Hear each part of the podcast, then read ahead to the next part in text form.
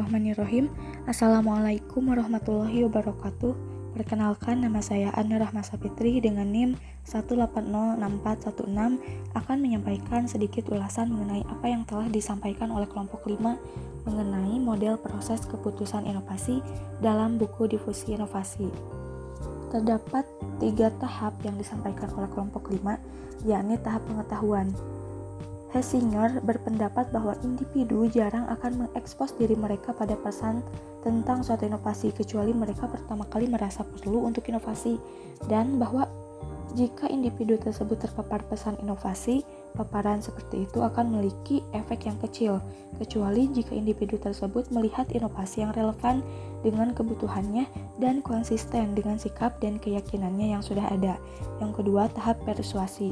Pada tahap ini, dalam proses pengambilan keputusan inovasi, individu membentuk sikap yang menggantungkan atau tidak menguntungkan terhadap inovasi, sedangkan aktivitas mental pada tahap pengetahuan, terutama kognitif atau tentang mengetahui, jenis berpikir utama pada fungsi persuasi adalah afektif atau perasaan.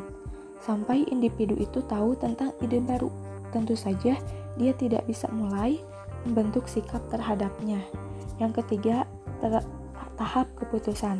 Tahap keputusan ini dalam proses keputusan inovasi terjadi ketika seseorang individu atau unit pengambilan keputusan lainnya terlibat dalam kegiatan yang mengarah pada pilihan untuk mengadopsi atau menolak inovasi.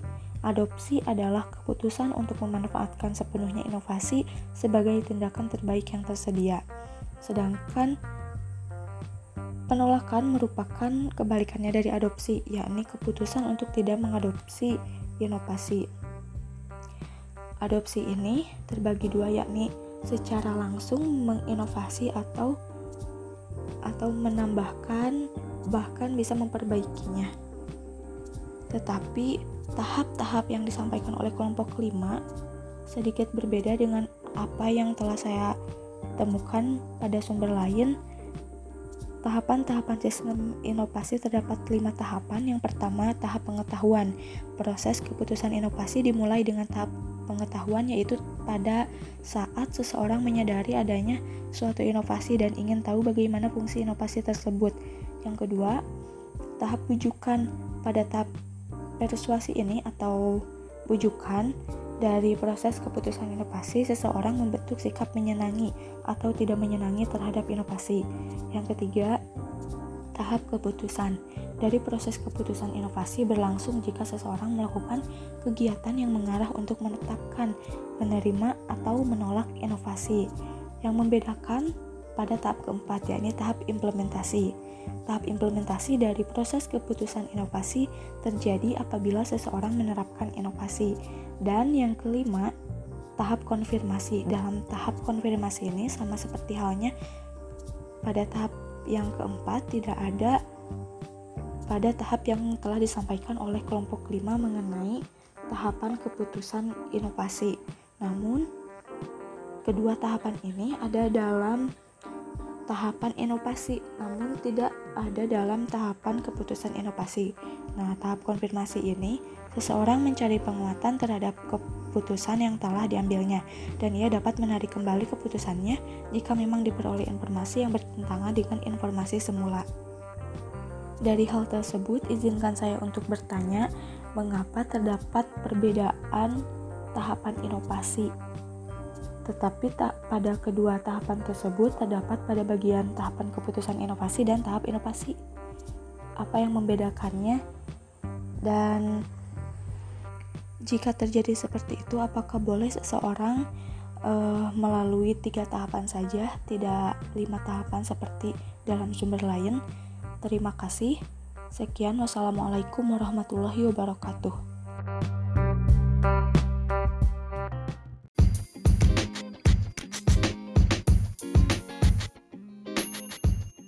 Bismillahirrahmanirrahim Assalamualaikum warahmatullahi wabarakatuh Perkenalkan nama saya Ana Rahma Sapitri dengan NIM 1806416 Izinkan menyampaikan sedikit ulasan apa yang telah disampaikan oleh kelompok 6 mengenai adopsi inovasi dan kompatibilitas dalam buku difusi inovasi.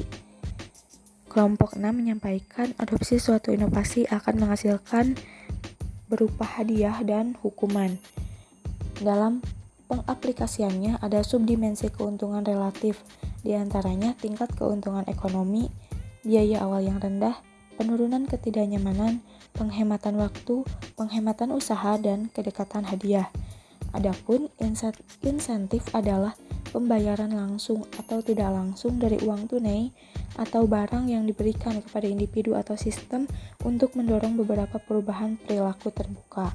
Insentif ini dapat dibayarkan baik secara langsung kepada adopter untuk pembayaran dapat dibayarkan kepada pengadopsi individu atau agen perubahan atau pada sistem sosial tempat mereka berada. Insentif juga dapat berbentuk beberapa komoditas atau objek yang diinginkan oleh penerima. Akan tetapi sebagian besar insentif dibayarkan pada saat adopsi, tetapi yang lain hanya dapat diberikan di lain waktu. Nah, di sini disebutkan bahwa adopsi suatu inovasi menghasilkan berupa hadiah atau hukuman. Berupa hadiah ini ketika seseorang atau pengadopsi mengadopsi suatu inovasi dengan cara yang atau cara yang baru dan menghasilkan hadiah-hadiah ini bahwa inovasi tersebut dapat diterima oleh masyarakat atau hadiah lainnya berupa keuntungan. Keuntungan ini bisa di, bisa dilihat dari ekonomi. Bisa saja masyarakat lebih menyukai produk inovasi yang disampaikan oleh pengadopsi daripada oleh suatu pencetus inovasi tersebut. Sedangkan hukuman ketika seseorang pengadopsi menghasilkan suatu produk yang baru, namun memunculkan sebuah hukuman karena tidak sesuai dengan apa yang diharapkan oleh masyarakat. Maka dari itu, pengadopsi harus dengan berhati-hati memilah dan memilih produk barunya yang akan dikeluarkan Selain itu juga pengadopsi harus meminta izin terlebih dahulu kepada pencetus inovasi sebelumnya. Namun terdapat hal yang belum saya pahami. Adopsi suatu inovasi menghasilkan dua hadiah dan hukuman. Bagaimana ketika suatu inovasi tersebut telah berjalan dengan lancar atau menghasilkan hadiah, menghasilkan plus surplus yang baik, tetapi di tengah jalan bagaimana ketika inovasi tersebut mendapatkan suatu teguran dari pemilik inovasi sebelumnya atau dari pencetus. Misalkan karena ilegal, karena tidak terdapat izin. Nah, apakah hadiah dan hukuman itu dapat berlangsung berlangsung keduanya? Jika telah mendapat hukuman namun di sisi lain mendapat hadiah juga, apakah diperbolehkan untuk dilanjutkan atau di stop saja. Terima kasih. Wassalamualaikum warahmatullahi wabarakatuh.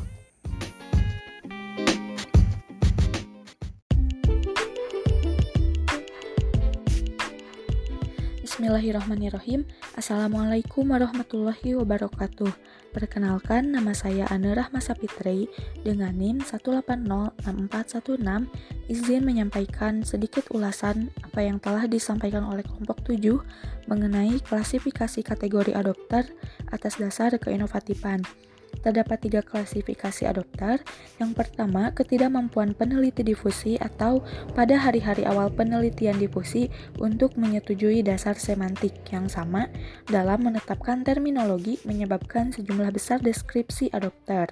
Yang kedua, individu yang paling inovatif disebut progresif atau high trials, eksperimen, mercusuar, pramuka tingkat lanjut, dan ultra adopter. Dan yang ketiga, individu yang paling tidak inovatif disebut drone, parokial, dan dihard. Namun, menurut pendapat saya, ketiga klasifikasi adopter tersebut kurang lengkap, dan saya menemukan yang pertama, kategori pertama dinamakan inovator, yaitu orang yang gemar sekali mencoba gagasan baru. Akses media massa bagi inovator sangat tinggi karena hal-hal yang baru disebarkan melalui media massa akan langsung diterima, dicoba, dan dipraktekkan dalam kehidupan dirinya. Yang kedua, terdapat golongan early adopter atau pelopor. Para pelopor biasanya tanggap terhadap media massa, namun selalu bersikap hati-hati dan meneliti terlebih dahulu terhadap pesan-pesan media massa sebelum mengambil keputusan. Selain itu juga mengumpulkan banyak informasi dari media massa yang didukung oleh para agen pembaharu. Yang ketiga, terdapat kategori golongan penerap awal atau early majority mereka mengadopsi suatu ide baru lebih awal daripada masyarakat pada umumnya. Namun, hal ini dilakukan secara hati-hati dan penuh pertimbangan. Kemungkinan akses modal yang kurang menjadi pertimbangan utama untuk mengambil keputusan adopsi. Di samping itu juga, hubungan yang baik dengan tokoh panutan dalam sistem sosial turut mempengaruhi keputusan adopsi. Yang keempat, berbeda dengan penerapan awal, penerap akhir mengadopsi inovasi apabila telah melihat kebanyakan orang menggunakan inovasi. Jadi, orang ini melihat keberhasilan sebagian besar dari masyarakat, baru berani mengikuti untuk mengadopsi inovasi. Dan yang terakhir, yaitu kelompok lamban atau penolak inovasi, atau disebut juga Lagarde yang telah disampaikan oleh kelompok 7 sama pada bagian yang ketiga, individu yang tidak inovatif. Kelompok ini memiliki derajat kekompolitan yang sangat rendah dan sangat kolot dalam pemikiran. Hal-hal tabu selalu dipegang teguh sebagai alat untuk menolak inovasi dan selalu menjadikan masa lalu sebagai contoh yang baik dan harus dilestarikan. Dari hal tersebut, izinkan saya untuk memberikan pertanyaan kepada kelompok 7 mengenai Dasar semantik seperti apakah dalam kategori adopter atas dasar keinovatifan?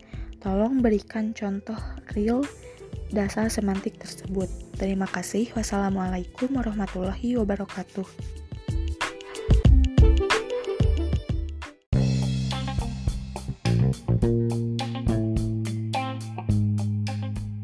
Bismillahirrahmanirrahim.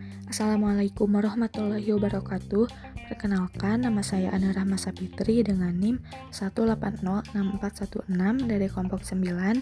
Izin menyampaikan sedikit ulasan mengenai apa yang telah disampaikan oleh kelompok 8 tentang sifat kepemimpinan opini. Untuk mengetahui sifat kepemimpinan opini, maka kita harus mengetahui terlebih dahulu apa sih pemimpin opini itu. Pemimpin opini merupakan individu yang memimpin dalam mempengaruhi pendapat orang lain tentang inovasi.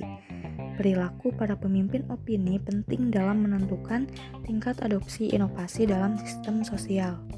Seperti contohnya ketika dalam masyarakat perlu adanya pemimpin, baik itu ketua RT atau sebagainya, untuk memimpin masyarakatnya membawa ke dalam perubahan. Nah, untuk mengetahui sifat kepemimpinan opini ini, perlu dipelajari tentang model-model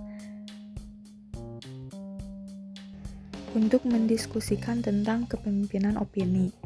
Yang pertama, model aliran komunikasi massa. Dalam rangka untuk memahami sifat kepemimpinan pendapat difusi, maka perlu dipelajari mengenai model aliran komunikasi massa yang meliputi hypodermic needle model dan the two-step flow model. Hypodermic needle model. Model ini menugaskan menegaskan bahwa media massa memiliki pengaruh yang langsung dan sangat kuat terhadap pemirsa massa. Kelompok 7 memberikan contoh seperti peran media Hears dalam menggalang dukungan publik terhadap perang ekspansi Amerika, kekuatan mesin propaganda kontabel selama Perang Dunia II, dan pengaruh iklan Madison Avenue mengenai konsumen dan perilaku suara. Namun di sini saya mengambil satu contoh mengenai Facebook. Ketika seseorang sebelum mengenal inovasi harus berkenalan secara tatap muka, namun dengan adanya media Facebook ini, aplikasi Facebook ini, maka orang-orang dapat berteman melalui media massa. Itu merupakan model satu langkah, dan yang kedua, to the sleep flow model, model dua langkah. Model aliran dua langkah ini membantu memfokuskan perhatian pada antar muka antara media massa dan pengaruh interpersonal. Hal ini memberi kesan bahwa media massa tidak begitu berkuasa dan tidak setegas yang pernah kita pikirkan. Seseorang bisa jadi mendapatkan suatu ide baru entah melalui media massa atau saluran interpersonal, lalu melakukan pertukaran komunikasi tentang berita tersebut kepada teman-temannya.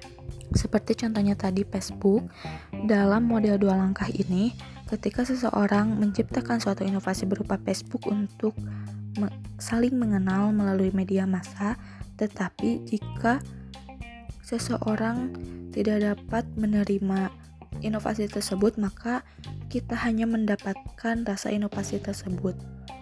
Selanjutnya, saya izin bertanya mengenai pembahasan penting homoseksual dan aliran komunikasi yang disampaikan oleh Rizky Azharianto terdapat hubungan jaringan. Hubungan jaringan seperti apakah yang menjadi penghalang dan pendukung sebuah inovasi? Terima kasih. Wassalamualaikum warahmatullahi wabarakatuh.